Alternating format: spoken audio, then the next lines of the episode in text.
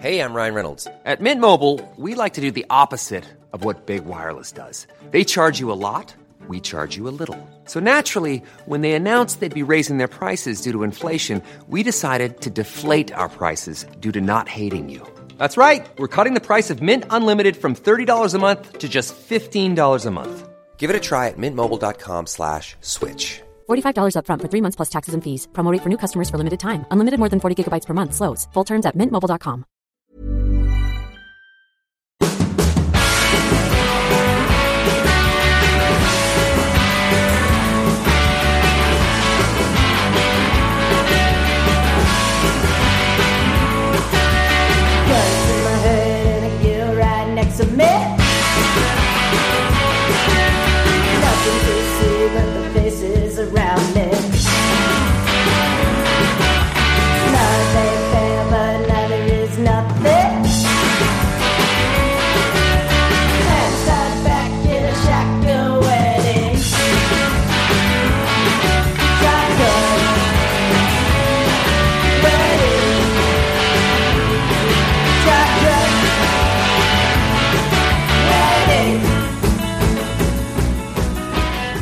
Hej och välkomna till Indiepodden nummer 79 och det är dags att inleda uppsnacket inför det 105 upplagan av Indianapolis 500.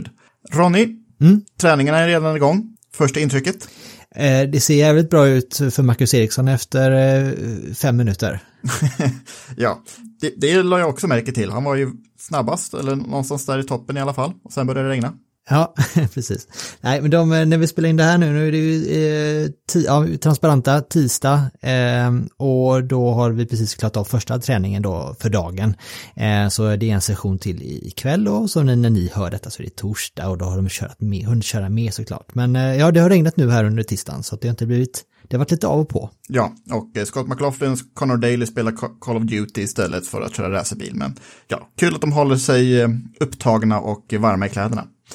Eh, Vi ska prata igenom en herrans massa ämnen och vi ska höra från herrans massa gäster också. Eh, Vi kan väl börja med de grundläggande faktabitarna som, som vi har att dela med oss. Det är ju liksom banan, Indianapolis Motor Speedway. Så vi har ju inte flyttat oss en meter sedan förra helgens eh, lopp på Roadcourse-banan, men nu kör vi riktiga ovalen då. Och det är en helt annan grej såklart. Ja, först och främst har vi historien bakom banan. Eh, banan byggdes 1909 och första Indycar-loppet, ja, det får man väl säga var det första Indy 500 1911. Men eh, redan 1909 då körde man ju eh, racerbilstävlingar här.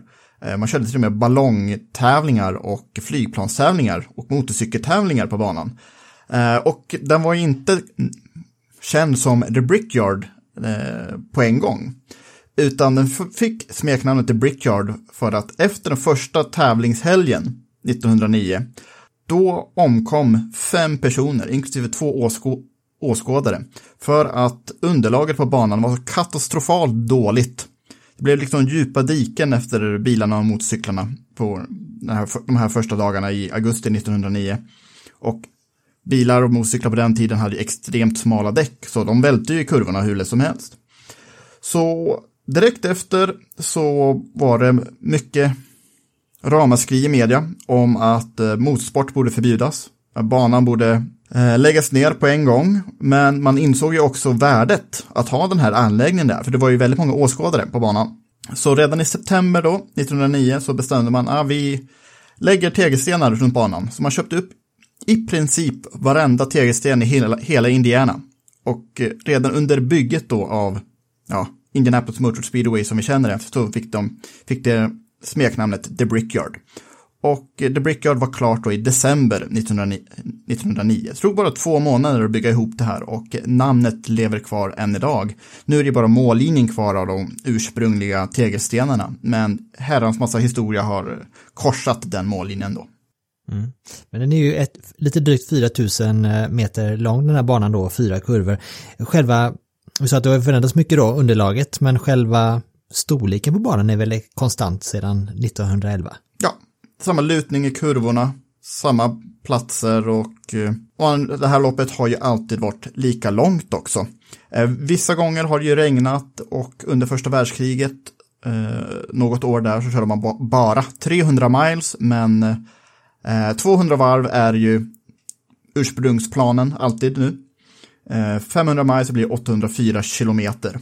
Varvrekordet har några år på nacken. Det är från 1996 eh, när Aaron Dyke, holländaren, Rinus Wikis kompis, eh, han avverkade ett varv på 37 sekunder och sen eh, 37,89 sekunder. Det blir en snittfart på 237,498 miles per hour eller 382 kilometer i timmen. Eh, riktigt så fort förväntar vi oss inte i år, men förra året så var de över 230 miles i alla fall, som är bit över 370 km i timmen. När Marco Andretti körde faktiskt de snabbaste varven sedan 1996 på träningen inför kvalet. Mm. Och på tal om snabbhet då så är det det snabbaste racet som har körts här, det gjordes ju 2013 då, då var det en medelhastighet på över 300 km i timmen, 301,6 km i timmen snittar man på då. Tony Kanan var det som vann den gången och eh, han är ju med i fältet i år med. Vi har ju väldigt många före detta segrare med i fältet, än mer än förra året. För vi har ju Juan Pablo Montoya som kommer tillbaka till Indycar. Eh, vi förväntar oss också mer av honom den här helgen än förra helgen. Eh, Montoya har ju vunnit två gånger, år 2000 och 2015. Sen har vi Hel Castroneves också som vunnit tre gånger.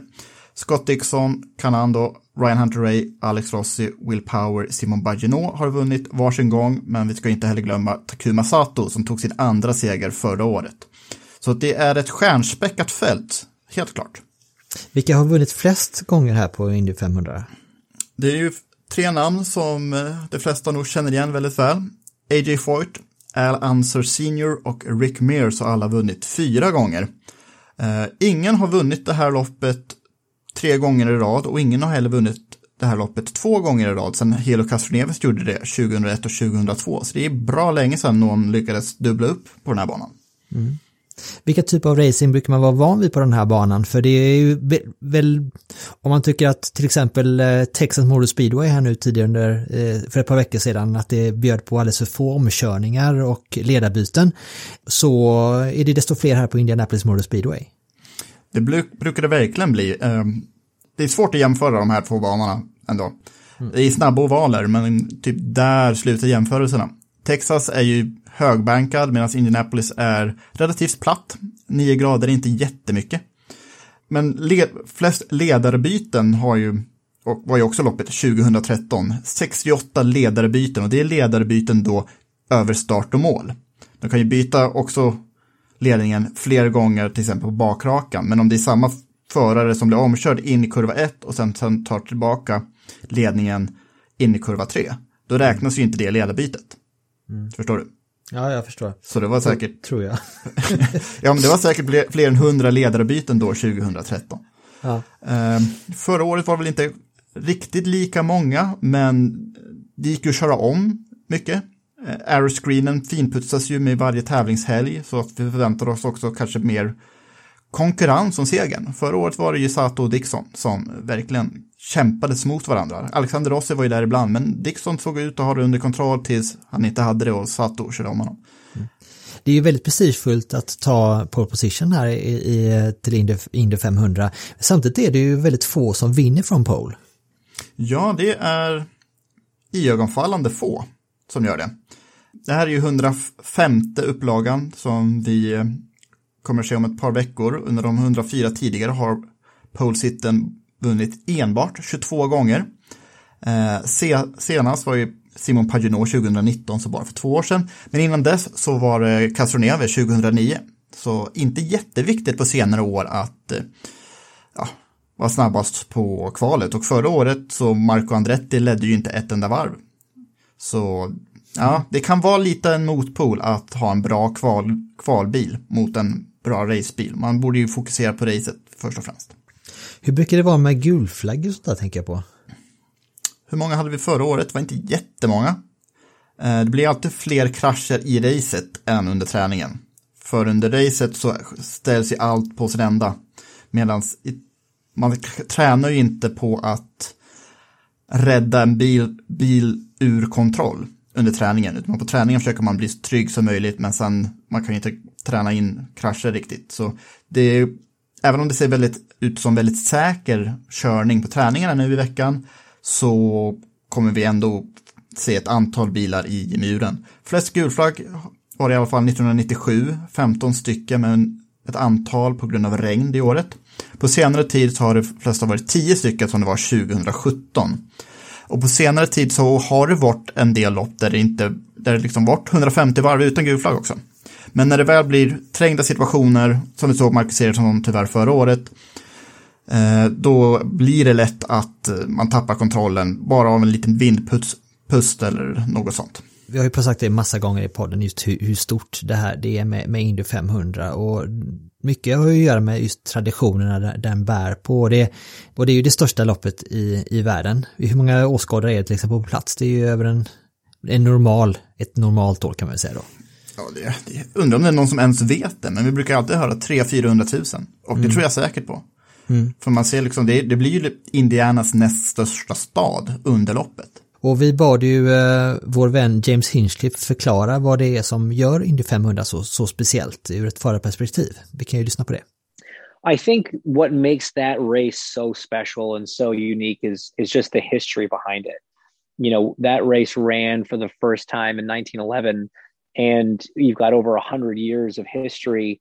It was one of the first big motor races on the planet. You know, it was the biggest track in the world for the longest time. I think it was probably the longest race for the longest time. Uh, and so the the pioneers of our sport all ran that race, and then as as the sport grew around it, that was always still kind of the hallmark event. You know, when you'd have Formula One drivers coming over and trying to win it in the '60s and '70s, and you've had NASCAR guys try to win it and, and do the double on uh, on Memorial Day with the 500 and the Coca Cola 600. And you know you could go out and build a new track and make it longer you know make it a longer race or whatever but what you can't buy or build is that is that history hmm. and i and i really think that's what makes it so special is just knowing how long that place has been there how long that event's been happening the names that have gone through those gates and have driven across that yard of bricks yeah. It's, uh, it's a very special place. Förra året var det ju lite tomt då på läktarna av förklarliga skäl, men eh, även om det inte blir fullsatt i år så kommer det ändå vara en betydande andel eh, åskådare på plats. Ja, det covid-situationen har blivit så mycket bättre i USA i år. Eh, så vi räknar med 120 000 åskådare, vilket är ju låter lite jämfört med ett normalt år. Eh, men det, det kommer nog förmodligen bli det största idrottsevenemanget i världen sedan ja, pandemin inleddes. Mm. Det, det kommer vara skönt att se något någorlunda normalt igen. Jag är faktiskt stoltserad med det, men för, för två år sedan så var jag och farsan där och vi var nog faktiskt först på plats av alla tror jag. Kommer du ihåg den bilden jag var, idag skickade till dig Jakob? Där eh, jag tog en bild på pappa ensam på läktaren där. Ja, hur, hur mycket var klockan då? Eh, men så jag tror att vi var på plats sex på morgonen någonting sådär. Ja, det, det, är, det är nog klokt. Eh, när jag var där 2015 så bokade vi taxi som skulle hämta upp oss på hotellet klockan sju. Och eh, den fick i alla fall köra en så här taxi lane till banan. Men privatpersonskön var ju redan lång vid sju på morgonen. Mm. Och då är det ju folk som har lämnat sina hem i Ohio eller i Illinois, Chicago. Ja, säkert tre på morgonen. Så att, eh, det är viktigt att vara, vara där i god tid och eh, sju på morgonen så var ju festen igång också. Lite väl, lite väl igång för vissa. Så, men det kanske, de kanske dygnat. Det var en fantastisk upplevelse faktiskt för att säga att vara först på plats och se hur allting fylldes på efterhand. För det, ja. alltså en sån där dag så har man ingenting bättre för sig, vad fan ska man göra istället liksom? Så att jag tycker bara sitta där och se att folk kommer en efter en efter en och så och sen så de här förberedelserna med såna parader och sånt, det börjar ju ändå ganska tidigt ändå. Mm. Eh, men bara att vara på plats och känna tystnaden och prata lite med varandra och reflektera och prata om förhoppningarna under dagen, kanske knäcka den första ja, kanske ölen eller en eh, Cola light eller någonting där framåt. Ja. halv, åtta, halv åtta åtminstone, åtta får man säga. Eh, vi, tog det, ja, vi tog det väldigt lugnt där. Men någonting vi skulle ta med oss nu sa vi då nästa gång, det ska, vi ska ha med oss en sån här cooler, en sån här kylbag ska vi ha med mm. oss med, eh, med medhavd mat och, och dryck tänkte vi till, till nästa gång. Så det är ett incitament att komma tillbaka så fort det bara går. Ja, och det finns en herrans massa andra tävlingar runt omkring. Det blir lite färre av det den här, den här gången också, om jag tänker på sprintcar-tävlingar och lite annan eh, stockcars i så här mindre gräsrotsdivisioner som eh, Man borde försöka planera in också. Det finns ju faktiskt en till bana i Indianapolis som kallas för Indianapolis Raceway Park. Som förr i tiden också ingick i Indycar-schemat. Men de har ja, sprintcar-tävlingar och midget-tävlingar eh, har jag sett kommer vara även i år. Men kanske svårt för svenskar att ta sig in på det. Men vi får ju återkomma i framtida upplagor av Indy 500. Liksom, eh, ett rejält schema när det är av tävlingar som man borde också se när man väl är där. Eh, när det är lite mer realistiskt för svenskar att korsa Atlanten. Indy 500 är också ett, ett race som, du har ju sagt själv att det är väldigt ödesmättat. Ehm, det är väldigt dramatiskt, det är väldigt svårt att vinna det. Ehm, men det är också fullt av väldigt mycket, många traditioner. Mm. Ja, först och främst kan vi också nämna att det körs ju alltid vid Memorial Day. Och det betyder att dagen efter alltid är en helgdag. Man kan ju stanna hemma från jobbet då om man, är, om man har eh, börjat festa klockan åtta på morgonen. Eh, men det här med Memorial Day, det är en väldigt gammal amerikansk tradition som uppkom efter det amerikanska inbördeskriget på 1860-talet. Eh, eh, direkt efter kriget slutade så skapar man nu minnesstunder vid olika begravningsplatser för stupade soldater. Eh, I takt med det så kom regeringen överens om, eh, så tidigt som 1866, att man skulle ha en gemensam högtidsdag för de som hade stupat under kriget, som inte kunde vara länkat till ett specifikt slag. Så att både nordstaterna och sydstaterna kunde hela tillsammans. 30 maj valdes och eh, man valde då 1911 att köra det det här stora loppet på Indianapolis Speedway på Memorial Day, för det var ju en- dag där alla var lediga. Eh, en dag som familjer umgicks till, tillsammans. Eh, så fram till 1971 kördes in- Indy 500 på just 30 maj, oavsett vilken dag i veckan det var. Men eh, 1971 ändrades Memorial Day till att vara sista eh, måndagen i maj. Och sedan dess har Indy 500 då körts på sista söndagen i maj. Men du som har koll på allting, då, det här Gentlemen Start Your Engines, eller nu säger de ju Drivers Start Your Engines, men du har ändå fluktuerat lite med åren där. Det är väl någonting som eh, också har eh, myntats på Indianapolis Motor Speedway? Det är många traditioner som kommit från just Indy 500. Tidskval är en annan, men eh, Start Your Engines har ju blivit mest, kanske mest ikoniska inom motorsporten överlag, världen över. Och den här traditionen har, har varit med sedan 1948. Då ska en startfunktionär ha sagt Gentlemen start your motors. Eh, spontant i samband med att racerfyrverkerierna sattes igång precis innan start. 1950 blev det en formell del av ceremonierna. Så då, det var då man började invänta att någon skulle ge det här kommandot att starta motorerna. Och eh, sedan dess så har den här traditionen spridit sig ja, till alla världens hörn. I år när vi har en kvinna i startfältet för första gången på några år så förväntar vi oss en eh, variant på Gentlemen Start Your Engines, förmodligen Drivers Start Your Engines. Eh, för det här blev faktiskt en kontrovers första gången som en kvinna kvalade in till Indy 500. 1977 när Janet Guffrey kvalade in, då vägrade först tävlingsledningen att ändra på Gentlemen Start Your Engines. Eh, de argumenterade att det egentligen inte är förarna som startar motorerna, utan någon mekaniker. Och alla mekaniker är ju manliga, eller hur? Inklusive på Guffreys stall. Så det var egentligen inte hon som startade motorn, förstår du. Men gjorde Ja. inte hon någonting där då för att eh, ställa det till rätta också? Ja, det, det här var ju riktigt fånigt att tävlingsledningen insisterade på det här, så Guffreys stall svarade med att tillsätta en kvinnlig mekaniker och starta motorn. Och då följde tävlingsledningsargument på det med. Så rätt. Ja, startkommandot blev ändå det rätt krystade. In company with the first lady ever to qualify at Indianapolis, gentlemen start your engines. Eh, året efter, när Guffrey kvalade in igen, då blev det Lady and Gentlemen start your engines. Och sen på 90-talet, när Lindsay St. James körde Indy 500, så undrar hon bara varför inte bara drivers start your engines. Men då blev det ändå Lady and Gentlemen. Eh, 2017 när Pippa Man var med, då blev det äntligen starter Engine, Drivers Start Engines. Och vi räknar med att Roger Penske kommer säga just Drivers Start Engines den här gången därmed. Vi har ju en hel del traditioner till att, beta av här som är lite roliga faktiskt. Bland annat den här segermjölken, eh, hur, hur den kom till. Men det är inte bara traditioner som kretsar kring den här banan utan även vissa säga, mindre, mindre angenäma företeelser, till exempel eh, curses, till exempel The Andretti Curse är en sån grej. Det är alltså eh, det är att Andretti-klanen eller Andretti-familjen har haft väldigt otur här genom åren. Vad har du för inställning till det, till det, det epitetet? Jag tror att ifall man börjar tro på sånt så råkar man illa ut. Men Andretti-familjen, jag vet inte om de vågar.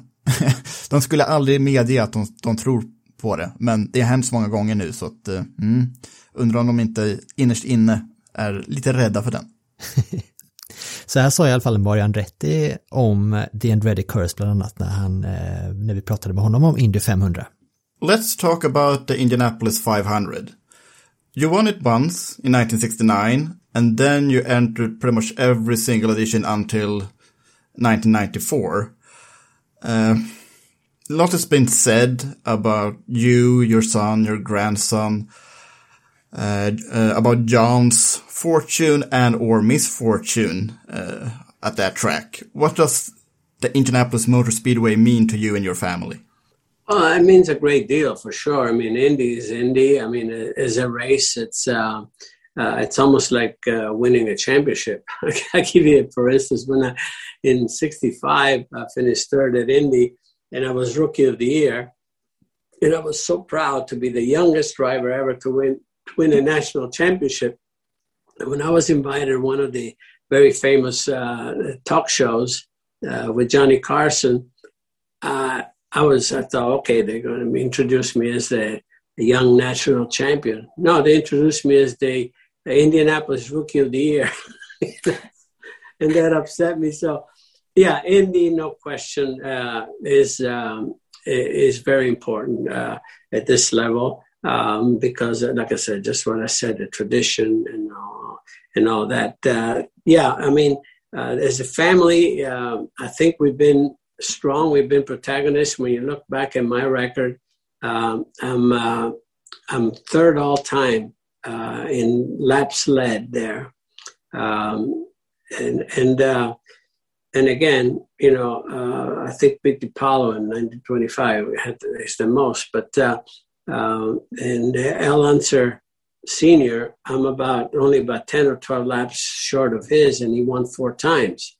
Um, so the point I'm making is I've been fortunate there as well. I've uh, control, I've uh, dominated that race more than once, uh, and uh, but I wasn't uh, lucky enough to finish. Uh, my son the same way, Michael. I mean, he, I mean, he dominated that race again uh, several times and uh, and couldn't finish it. Uh, again, uh, today uh, you had the best chance to finish because of the different rules. and um, until you know, while I was active, we used to take like 101% out of the engines. Now they only take about 80% because the engines have to do so many laps. So the reliability is with all the drivers, and um, and it's a different story. Um, uh, again, but I still look back and, uh, you know, there's uh, this one of the announcers, oh, the Andretti curse and all that. I don't believe in any of that. I think that uh, in so many ways, um, you know, we've been very fortunate to to be there so many miles. Do you know how many miles I have on that track and and all that, and and uh, how much satisfaction I derived from racing there. Uh, when you lead so many laps and so forth. That's that's what it's all about. Hmm. Even if you don't win that particular race, they knew you were there. Um, and in qualifying, we were always up front, and uh, and so uh, I, here again, I just feel that uh, I had a great time at Indy. Um, and then uh, look at the family. in 1991, 92, there were four of us, four of the same family qualify for this race, which uh, never before uh, or since, you know, four members of the same family uh, were in there. So uh, we have so many great moments. Um, you know, uh, look, just last year, you know, uh, um, Marco is on pole, and and I'm driving a two seater, you know, at the start, and and who's in the back seat? You know, my son Michael. The three of us uh, at the start of this race, you know, up front. As a family, you look back and uh, these are precious, precious moments. Uh, so that's the way I look. I look at the positive side of it, and uh, there's so much more positive there for us to enjoy uh, and be happy for. That um, here again, uh, my son Michael, you know, he never won as a driver, but he won five times as an owner. You know, so he's only second to uh, Roger Penske, which is a distant first. But uh, he's still, you know, as a, as the uh, team owner, you know, he has a lot to be proud of, and uh, here again. Uh, so um, the, some things you can control, some you can't. And uh, but uh, for the things we could control, I think we can be very proud. Mother's Day is around the corner. Find the perfect gift for the mom in your life with a stunning piece of jewelry from Blue Nile. From timeless pearls to dazzling gemstones, Blue Nile has something she'll adore. Need it fast? Most items can ship overnight. Plus, enjoy guaranteed free shipping and returns. Don't miss our special Mother's Day deals. Save big on the season's most beautiful trends. For a limited time, get up to 50% off by going to Blue BlueNile.com. That's Blue BlueNile.com. Planning for your next trip? Elevate your travel style with Quince. Quince has all the jet setting essentials you'll want for your next getaway, like European linen, premium luggage options, buttery soft Italian leather bags, and so much more. And it's all priced at 50 to 80% less than similar brands. Plus, Quince only works with factories that use safe and ethical manufacturing practices. Pack your bags with high-quality essentials you'll be wearing for vacations to come with Quince. Go to quince.com slash trip for free shipping and 365-day returns. Men Mario har i alla fall fått vunnit Indy 500 en gång då som, som förare och eh, då fick han ju dricka den här klassiska segermjölken då. Och eh, den, den kom ju också till, den traditionen kom ju också till på ett lite annorlunda sätt. Ja, det här är en väldigt udda tradition. Eh, det kom från 30-talet. Louis Meyer vann sin tredje Indy 500 1936 och direkt efter målgång så frågade han efter en flaska kärnmjölk under segerceremonierna då. Eh, han tyckte väldigt mycket om kärnmjölk. Eh, han ska också ha druckit mjölk under mindre ceremoniella former eh, direkt efter segern 1933. Det här blev något som folk mindes med glädje, men traditionen blev inte riktigt den institutionen som vi har idag förrän 1956, då Indianas mejerier började sponsra tävlingen. Så inspirerad av Meyer så lät man segraren få en flaska mjölk i handen direkt efter att denne stigit ur bilen. Mario, Emerson Fittipaldi tänker jag på då. Jag som inte ville dricka den här mjölken på en gång, utan eh, Fittipaldi ägde en gång i tiden eh, apelsinplantager hemma i Brasilien. Han, eh, äg, han eh, sålde apelsinjuice, så han ville dricka sin egen apelsinjuice när han vann 1993. Det var, det var inte jättepoppis. Nej, det var väl inte det va? Men du, Roger Penske tvingade väl honom att dricka lite mjölk ändå va? Ja, precis. Det, det är viktigt att dricka mjölk. Ja, det är ordning för för Roger. Penske ändå. Ja. Det är bra för benen. Men, Men en annan, en annan vinsttradition då, det är att kyssa eh, tegelscenerna då. Ja, det, har, det här är en av de mer moderna traditionerna som faktiskt inte ens är en Indycar-tradition. Eh, Det här började i Nascar. eh, När Dale Jarrett vann Brickyard 400, Nascar stopp här. Eh, 1996 gick han och hans crewchef ner till tegelstenarna och eh, kysste dem för att visa sin vördnad. Och det har ju blivit en, en tradition i Indycar också eh, på sen, senare år eftersom alla som vinner Brickyard 400 eh, har tagit efter Dale Jarrett då. Nu har de i och för sig tagit bort eh, namnet Brickyard 400 för Killarna kommer ju köra på roadcourse-banan istället i år. Så förhopp- men förhoppningsvis kommer den här traditionen överleva eh, det bytet där. Eh, men vi väntar oss med att eh, Ja, jag vet inte vilken man, ordning man tar det. Förmodligen dricker man mjölk först och sen så går man ner till eh, mållinjen. Och just att få dricka segelmjölken, att kyssa tegelstenarna, eh, det, det är ju någonting som prioriteras kan man ju säga bland, bland teamen då. Eh, tar vi av Andretti, Penske och eh, Chip Ganassi till exempel så har de ju sagt att prio ett det är att vinna Indy 500 och det är liksom inte någonting bara man säger utan det är ju faktiskt så. Eh, vet du när vi pratade med Kenny Bräck förra året så hade han ju liksom inte riktigt förstått exakt hur stort det är att vinna Indy 500. Eh, han visste att det var stort men den magnituden det kunde han liksom aldrig föreställa sig. Eh, och en annan som har vunnit Indy 500 det är ju Scott Dixon. Ehm, och vi frågade ju honom om vad det är som gör det så stort att vinna Indy 500? Och då sa han så här. It is huge. Um, you know, it's the biggest race in the world. You know, it's still uh, the most attended event for a single day. Uh, you know, with almost four hundred thousand people. You know, so the, the, it's kind of it's it's um, it's hard to put into words. Um, I didn't really get it, and and I lived in Indianapolis for maybe three or four years before I went to my first you know Indy 500 because I was racing in kart and a different championship and all that kind of stuff. And and uh, you know, I've been to World Cups, I've been to Olympic Games, I've been to Super Bowls and nothing has a touch on the atmosphere at the Indy 500. To have that amount of people in one place is is it's insane. Um, but I love you know the the history. Um, you know, of doing you know the parade to the lead ups to the practicing to the highs and lows that you feel.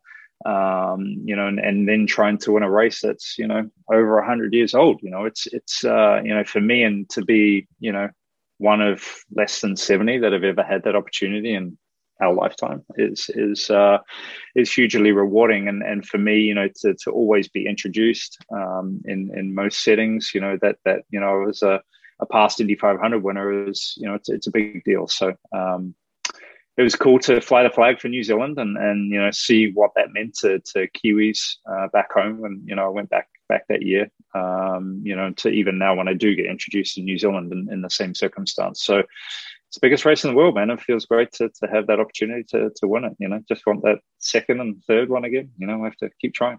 Man får ju också en väldigt fin pokal när man vinner Indy 500, Jakob. Mm. Man får en kopia. Okej, okay, man, får, man får alltså något, jag tänkte bara att det är en vandringspokal, att den står symboliskt jo, jo, någonstans. förstås, men förstås. du får en kopia av den alltså också då, det är ju lite fräckt. Precis, den här Borg Warner Trophy. Och Borg Warner är ju faktiskt ett företag som lät tillverka den här, den här trofén på 30-talet. Det är en amerikansk bildelstillverkare, reservdelstillverkare. Eh, 1936 producerades denna. Det är, den är, eh, denna trofé i sterling-silver. Silver. Inte hundra på exakt om det är jättefint sorts silver, men det är 92 procent eh, silver, resten legering av koppar och zink. Och den kostade 10 000 dollar då på 30-talet att producera. Och alla som vinner får ju sitt ansikte graverat in i den. Och eh, sen några månader senare så får man en egen babyborg att ta med sig hem. Det brukar man få, göra efter att Indycar-säsongen är slut. Kul sak med den här babyborg, när Simon Pagenaud vann 20, 2019. Eh, då hade ju hans hund varit med i Victor Lane, så de graverade in också en, en liten mini-Norman Pagenaud, hans lilla border collie. Nej, det är inte border collie, men det är en, ja, det är en, det är en liten terrier tror jag i alla fall. Rätt okay. gullig hund. Har en, egen, har, har en egen Instagram som man kan följa. är du inne och likar ofta där? Ja.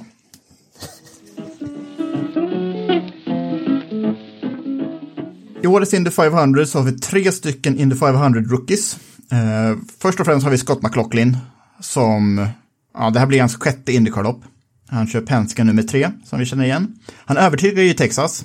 Mm. Uh, men har man Penske och Mattias Jönsson bakom sig så går man ju bästa möjliga Indycar-skolan. Så förväntar vi, och, vi förväntar ju oss stabil körning av McLaughlin. Och sen har vi väl någon som kan betraktas som får sin revansch egentligen på Indycar på riktigt här nu. Det är ju Peter Fittipaldi för han, detta blir ju hans första Indy 500. Mm, det var meningen att han skulle köra här redan 2018 men då var han ju skadad. Det här första loppet han missade efter att han bröt benet på spa. Han, han tar ju över Romain Grosjeans Dale Coyne Rickware Racingbil, eh, nummer 51. Eh, det här blir hans nionde Indycar-lopp. Eh, han har ju alltid sett rätt habil ut. Bästa resultat, nionde plats i Portland. Men han är ju inte spektakulär, så här blir ju snarare en fråga, kan han kvala in? Tror du att det kommer vara så på gränsen till och med för Petro? Dale Coyne är ju hit or miss. Uh, och här gäller det bara att, här är ju fart, högsta möjliga fart. Eh, särskilt inför kvalet. Så det här kommer vara ett stall som jag tror kommer fokusera på kvalsetup och sen överleva under loppet. Just det, för det är väl totalt 35 bilar sa du eh, och det är som kommer kvala och 33 av dem kommer ju kunna komma in kvalificerat för racet då. Den coolaste liveryn då på, på griden, det är nog trots allt Top Gun Racing med RC Inesson bakom ratten då. Eh, som är den tredje rookien. Ja, eh, de kör ju en riktig throwback livery i brist på stora sponsorer. Ska se ut som Al Ansers eh, segrarbil från 1970-1971 som jag vet är din favorit Ronny. Ja men det var den vi pratade om, Johnny Lightning heter den va? Kallas ja, precis. Ja, den, d- den vi pratade om i för ett par Indiepodden avsnitt sedan. Eh, ja, den, den kommer bli så, det kommer bli en sån favorit från mig. Jag kommer hålla på den bara för livren tror jag. Och de som inte känner igen R.C. Enerson, så han, han var en lovande förare som föll mellan stolarna liksom för några år sedan. Hans bästa resultat i Indycar i de fyra lopp han har kört var en helt okej nionde plats på Watkins Glen 2016. Men det här stallet är ju helt sprojlans nytt. Det är deras allra första race överhuvudtaget. De har gjort en shakedown på Gateway. Det är en helt annan sorts oval, så även om man hoppas ju på att underdogs kan göra väl ifrån sig. Eh, Men det vore faktiskt en skräll om det ens kvalar in här. Och det är de tre, våra tre rookies då för i år då. Sen har vi ett antal förarinhopp på griden också. Eh, Vi kan ju börja med nummer ett. J.R. Hildebrand. Varför har han nummer ett då? Jo, för han kör AJ Foyt Enterprises eh, throwback till ni- 1960 års lopp när AJ Foyt vann det här loppet för första gången med just nummer ett på bilen. Så de dekorerade den så som Foyts Roadster såg ut då för 60 år sedan. Och Hildebrand är ju okej, eller? Vad tycker vi? Ja, det är väl inget fel på honom. Men han har ju ändå hängt med genom åren bevisligen och hållit, sig, hållit en fot i dörren helt enkelt. Kommer du ihåg hans andra plats då, 2011? Nej, det är det faktiskt inte. Det var ju han som kraschade sista kurvan i sista varvet. När han var en halv mile att vinna som rookie då. Och det var ju Dan Weldon som eh, tog över segern då. Mest dramatiska sista varvet i Indy 500s historia. Stod Jerry Hildebrand för och han inte kom, aldrig kommit lika nära att vinna ett Indycar-lopp igen. Men, men, ödet är hårt och eh, ja, det här är ju ett lopp som det, man ställer så mycket av sin karriär på spel här. Och en annan som, som liksom kände att det här var slutet av karriären för att ja, det hände något så himla dråpligt för honom. Eh, det var Connor Daly som när han var ny här eh, 2015 råkade ut för ett väldigt tråkigt eh, tekniskt problem redan under uppvärmningsvarvet. Så här sa Connor Daly om det när vi pratade med honom tidigare. Connor, uh, the Indy 500 was where you made your debut in IndyCar racing back in 2013, but also where you had one of your most unfortunate events ever in racing in uh, 2015. Can you explain what I am referring to? Yeah, yeah, the car caught on fire before it even started, so it was uh, pretty much the worst one. I don't think it I don't think it can get much worse than that. So what did that day mean to you? At, I mean, at that point, I thought my career was over because that, that was the only IndyCar race that I had on my schedule, um, and I, I was completely done with Europe. Uh, I was trying to be an IndyCar driver, a full time IndyCar driver. Did not have the financial support to do so, um, but we had a sponsor for the Indy 500 with Smithfield, and um, you know the month had gone well. The month had gone okay, um, but we also had James Hinchcliffe get hurt really badly in a crash uh, that that that month as well. Um, so you know. I really wanted to do well in the 500. I thought we had a great car. I thought we had a great situation. But racing, there's a lot of things that are out of your control, um, and and this is one of them. You know, there was nothing I could have done about it. Nothing the team could have done about it. Sometimes things just happen, and it did. Um, but you know, there are certain situations that you can take advantage of. Being Hinch got hurt, and and someone had to drive his car. Uh, and so the next weekend, when I got to Detroit as a substitute, like we were talking earlier, you know, I I led both races at Detroit, and realistically, we were in a position to win one of them uh, when when Ryan Hunter uh, you know took me out on a restart. So, and we finished sixth in in the in the other one. So uh, that is really where I think I kind of put myself on on on the scene. Um, was you know in my first ever road race in an Indy car, we're going to go out and lead laps and be dominant in the rain as well, um, and and that was a lot of fun. So. Uh, I think that, that the, the 2015 Indy 500, that the, the, this, the, the sadness that was felt there was immediately overcome with uh, basically just something that felt awesome, which was at Detroit competing against the best as a, as a, as a kid who had only ever done one IndyCar race. Um, you know, that was really cool. So it's a race that can make or break careers. Absolutely. I mean, it definitely can. It can make people or break you. And, uh, and it's, it's a lot, it's a lot kinder to some than it is to others. But uh, as Tony Kanon found out, I mean, it took him years to win the race, but he's always fast there, and and he ended up winning it, and that is, you know, that's that's that's that's why you do it. Ja, det är alltså ett ödesmättat lopp. Så Daly fick ju ta över Hinchcliffs bil under några lo- lopp senare under 2015 och kunde ju på nytt visa upp sig för Indycar-cirkusen och eh, han är fortfarande kvar här. Ja, det räddade hans karriär kan man säga då. Ja, simple twist of fate. Vi fortsätter att gå igenom startlistan med eh, inhopp just för Indy 500. Nummer 16, Prada Autosport, Simone de Silvestro, en Indypodden-favorit. Vad tror vi om dem?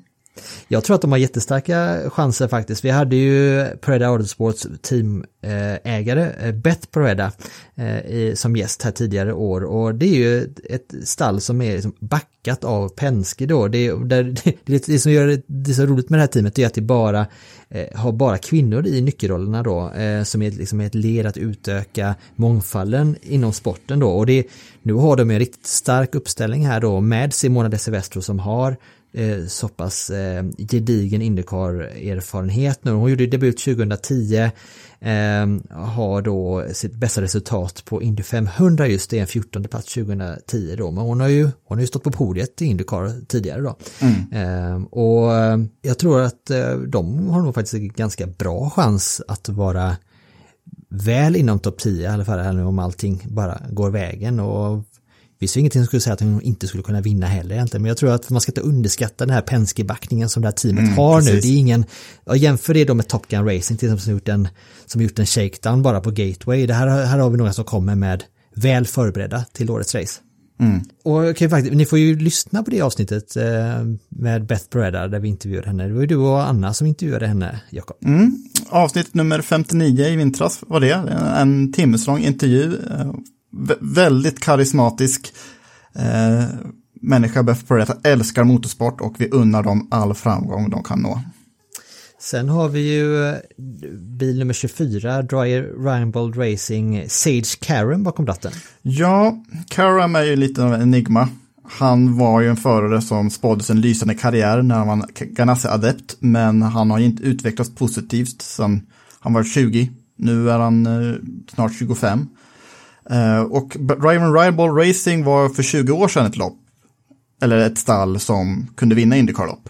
Men det är också ett stall som ja, inte har utvecklats positivt senaste decenniet ungefär. Så det här är också eh, ett, ett ekipage som får det svårt. Eh, Andretti Autosport kommer ju ställa upp med ytterligare en entry, det är bil nummer 25 med Stefan Wilson. Mm. Ja, vi sa vi, var det förra veckan eller för två, två veckor sedan? Eh, Han är ju döpt efter Stefan Johansson. Ja, så verkar det vara. Bra, bra ratingnamn. eh, det är Justin Wilsons lillebror, Justin Wilson, som gick bort eh, på Pocono 2015. Eh, Stefan Wilson har inte kört lika mycket Indycar som storebror eh, han med. Eh, men han har inte gjort dåligt ifrån sig. De här två starterna, hans bästa resultat blev den 15, men han ledde ju loppet 2018 rätt sent också. Eh, runt varv 190 eh, så var han ju i ledning på, på fart, men det var ju strategin som ställde till det. Som eh, knuffade ner honom till 15 plats. Och lite lustigt nog så 2017 så gav han bort sin Indy 500-styrning till Fernando Alonso. Och han fick då luftet från Andretti att han hade en sit, sits redo åt honom året efter. Och han, har, han har, fick ju förnyat förtroende efter loppet 2018 och han är ju välkommen tillbaka. Men så länge han kommer med sponsring, och det är det han nu gör. Sen har vi en uh, Gargays favorit tillbaka här nu. Det är ju Santino Ferrucci som gör comeback för uh, Rahal Letterman Lanigan Racing. Deras tredje bil då uh, för det här loppet. Bil med 45 då. Han har ju gjorde, ja, gjorde en bra insats här 20, ja, 2020 då. Då blev han ju fyra eh, förra året då. Eh, Ja. Och debuten 2019 och han var ju han gjorde ju en succéartad debut kan man säga i Indycar även om inte han blev Rookie of the year så var det ju ändå eh, att han visade framfötterna på valerna framförallt. Mm, han, en sjunde plats också 20, 2019, så två fina resultat han kommit med här. Ja, han kan, kan, kan köra de här bilarna. Till skillnad mot vad han gjort eh, annars sen vi såg honom sist. Han har kört fyra lopp i Nascar Xfinity Series, alltså andra divisionen. Jag tror hans bästa resultat 15 plats eller någonting, så han är ju no, ingenstans där. Men eh, ja, han trivs, trivs ju bra här och nu har, det här betyder ju att Ray Hall Lettman Lanigan har ju ettan, trean och fyran från förra årets Indy 500 i sitt stall. Så att det är en väldigt stark uppställning de har i RLL Racing. Låter verkligen så. Och det, Ja, flaggade ju lite för Graham Rahal här nu att han kommer bli farlig i år och ja, mm, de är nog att räkna med hela teamet Mm. faktiskt.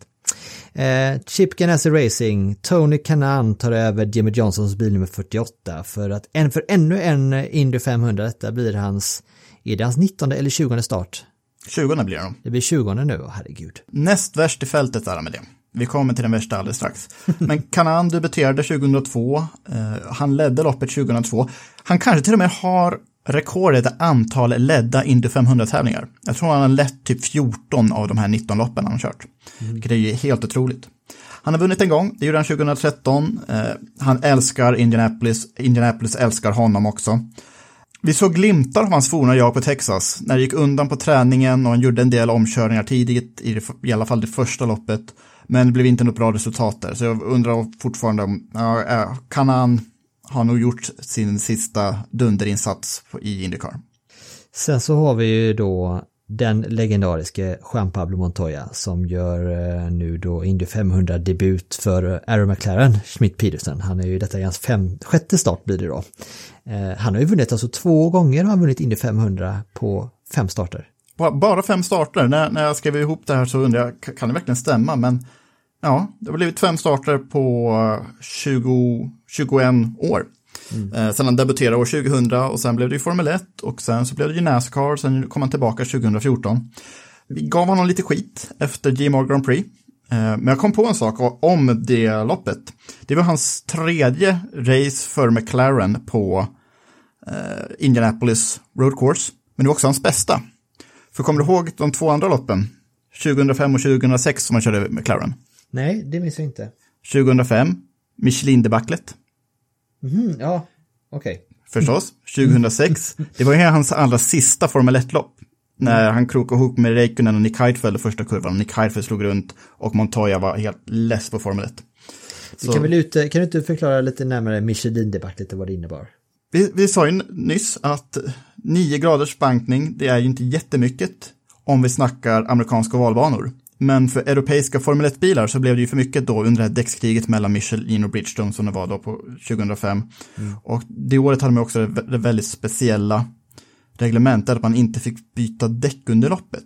Så det var rätt speciella däck som Michelin kom med till det här, loppet som de inte hade testat ordentligt och eh, ja, däckstrycken som man ville köra med fungerade inte. Det, det var ju inte kompatibelt med ny asfalterade Indianapolis som det var då.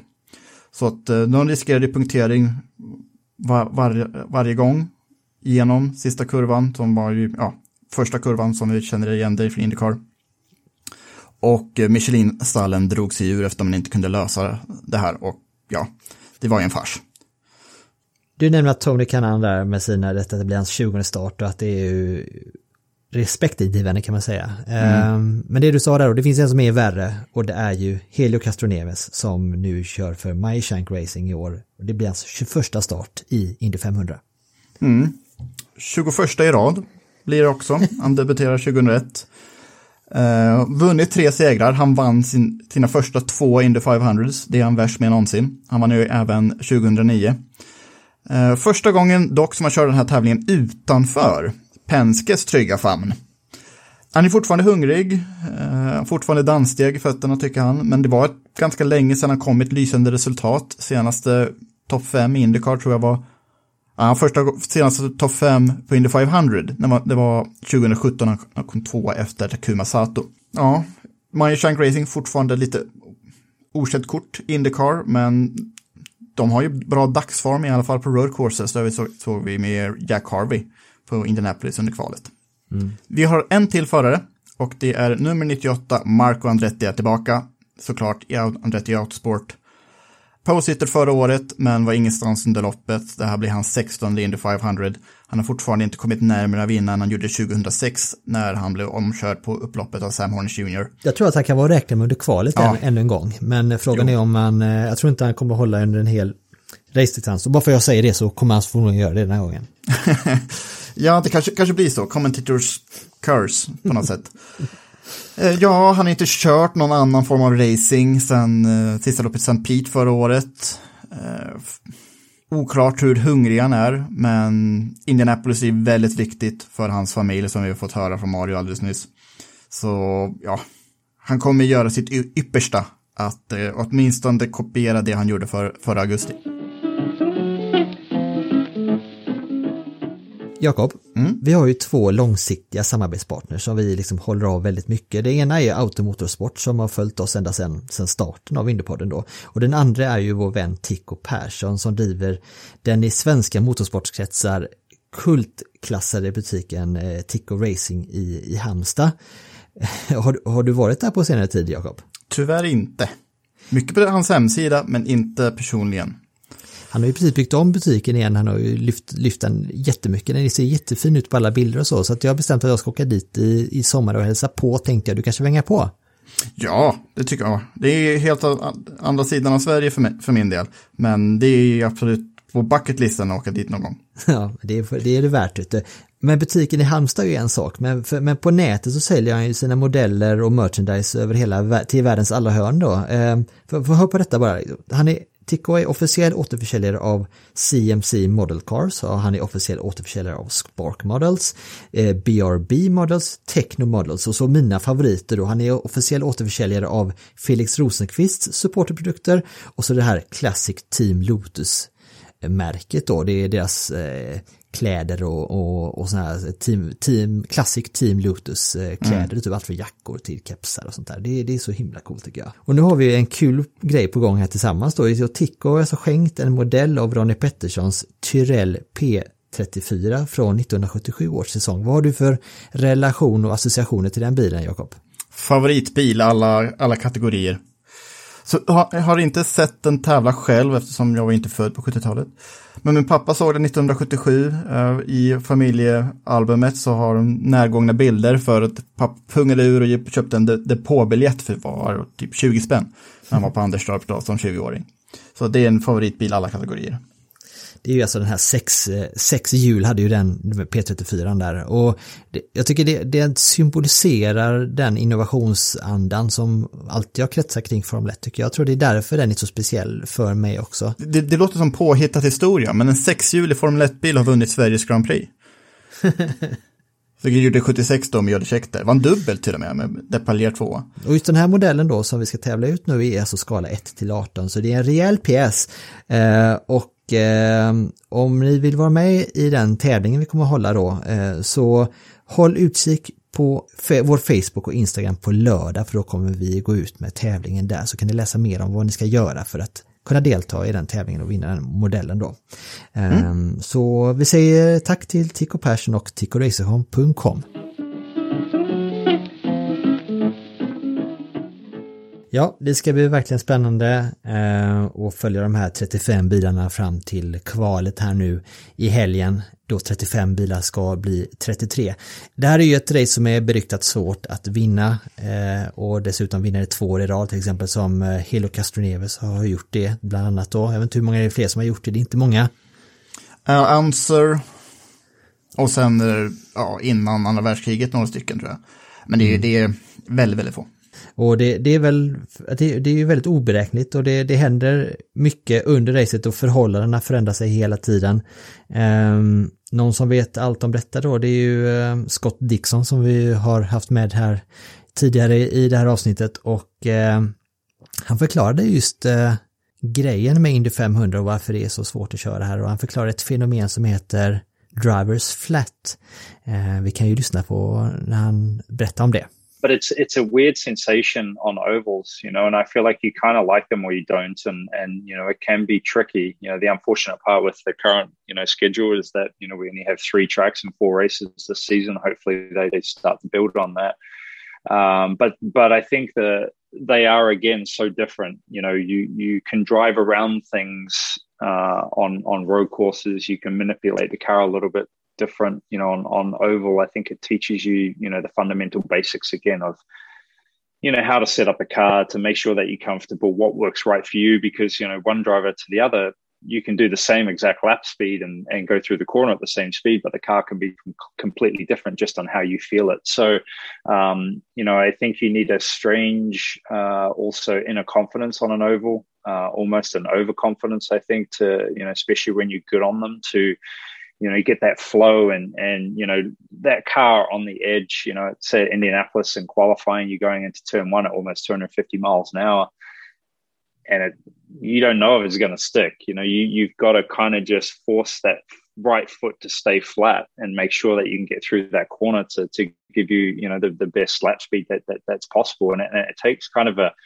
a strange mind kind of scenario uh, for that to enable because the whole time you know your your brain is telling your foot to lift off that that pedal because it just it doesn't seem right you know to, to go into a corner at that speed and and and you know come out on the other side. But your foot just your foot just go how do you manage that to get the foot going Yeah, it's uh, it's weird too though because sometimes you'll come in and you're like, oh, it's flat, and then you know they call it driver flat, where it where you your foot actually does waver a little bit, um, and you weren't completely 100 percent flat throughout the corner, um, you know. So it, it, I don't know, it's just because the sensation too, right? Your your you're you're uh, you're just you know you're kind of floating on the edge right? So you know you're you're constantly trying to feel if the car's actually going to make the corner and not turn too far or not turn at all.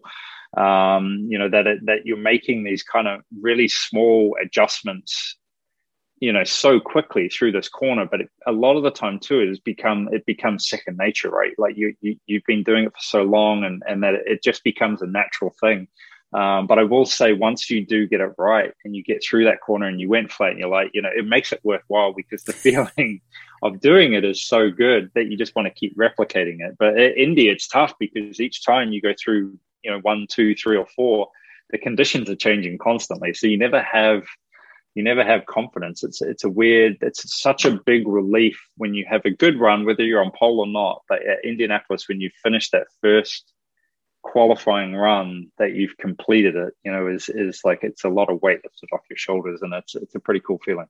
Jakob, när du körde ditt eh, historiska Indy 500 här nu i helgen med... På simulator. Det, på simulator, ja precis. Eh, hade du, drabbades du under den här drivers flat-grejen då? Uh, nej, vi kör ju en simulator som heter Automobilista, då körde vi 70-talsbilar. Och på den tiden så gick det inte att uh, köra flat, utan det är ett fenomen som måste komma på 80-talet någon gång. Mm. Jag har hört det lite i Formel 1-kretsar också. Och då tänker jag, det ju, måste ju vara på kanske gamla spa som det dök upp första gången, eller på Monza innan chikanerna. Men, men det är nog ett ganska modernt ovalfenomen ändå.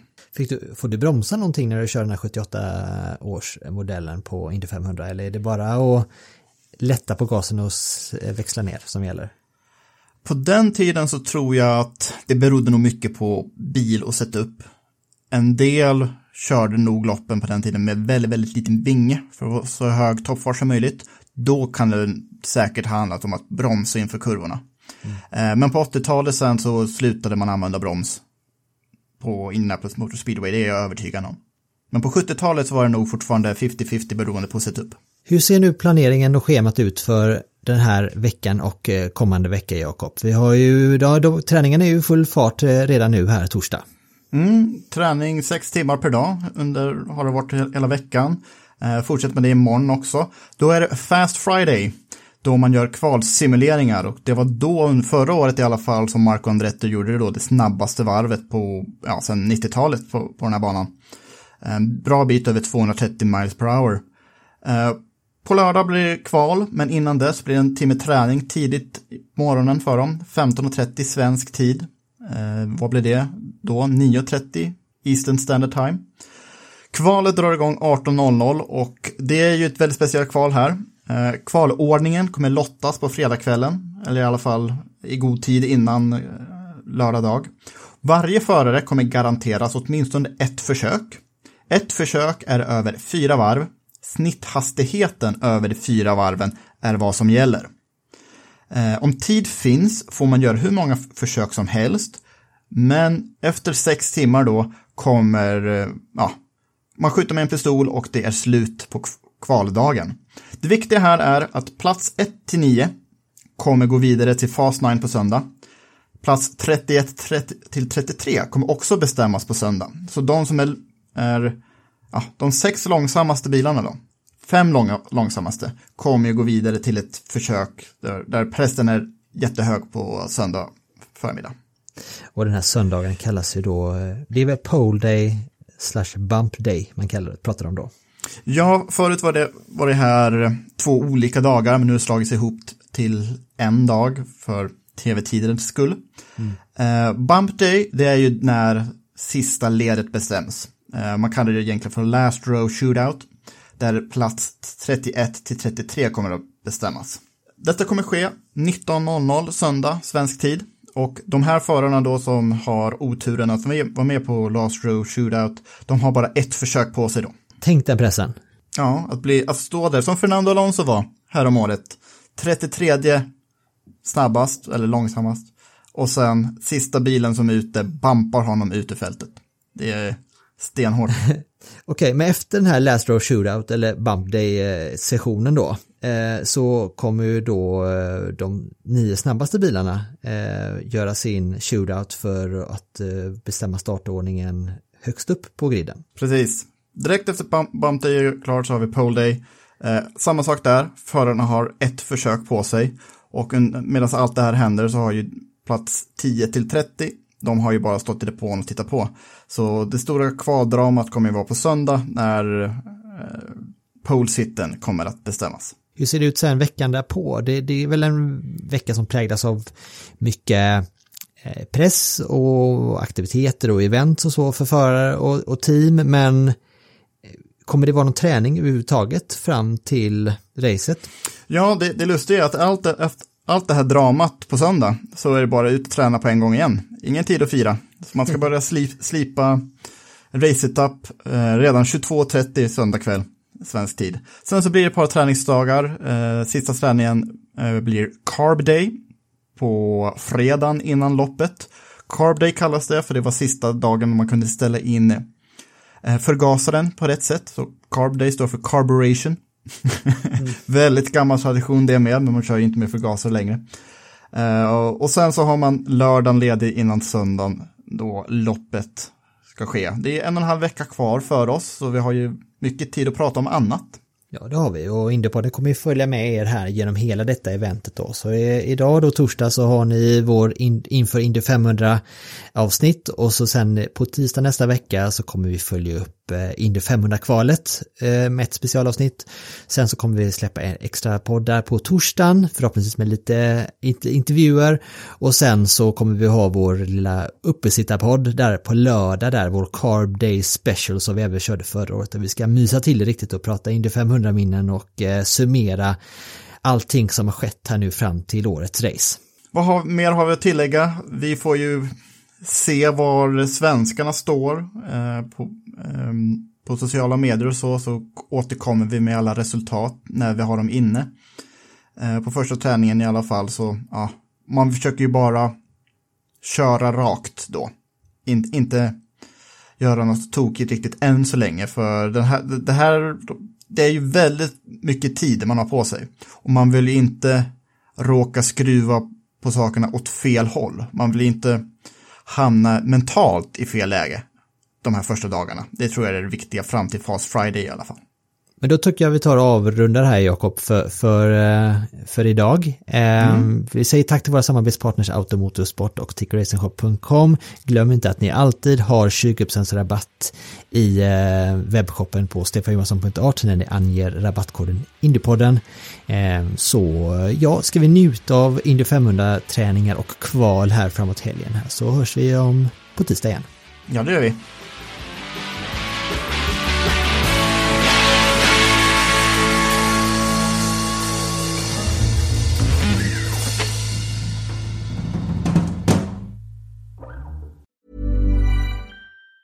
Even on a budget, quality is non-negotiable. That's why Quince is the place to score high-end essentials at 50 to 80% less than similar brands. Get your hands on buttery soft cashmere sweaters from just 60 bucks, Italian leather jackets, and so much more. And the best part about Quince, they exclusively partner with factories committed to safe, ethical, and responsible manufacturing. Elevate your style without the elevated price tag with Quince. Go to quince.com slash upgrade for free shipping and 365-day returns.